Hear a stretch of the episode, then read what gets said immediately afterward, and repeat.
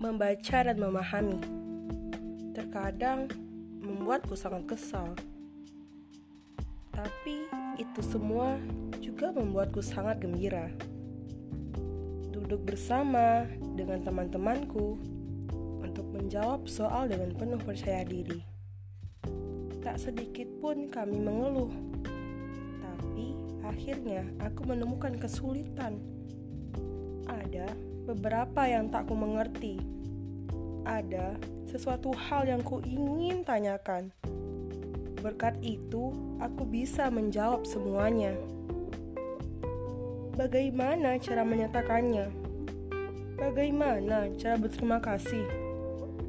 Keheningan di sekitar membuatku redam dan fokus.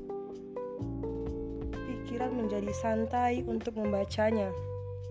Fasilitasnya sangat lengkap, membuatku ingin terus-terusan ke sana. Dialah perpustakaanku yang selalu membantuku saat kesulitan melanda. Terima kasih perpustakaanku. Telah banyak cerita kulalui sana telah banyak ilmu kumiliki, telah banyak pengalaman membacaku. Sekali lagi, terima kasih, terima kasih untuk semuanya.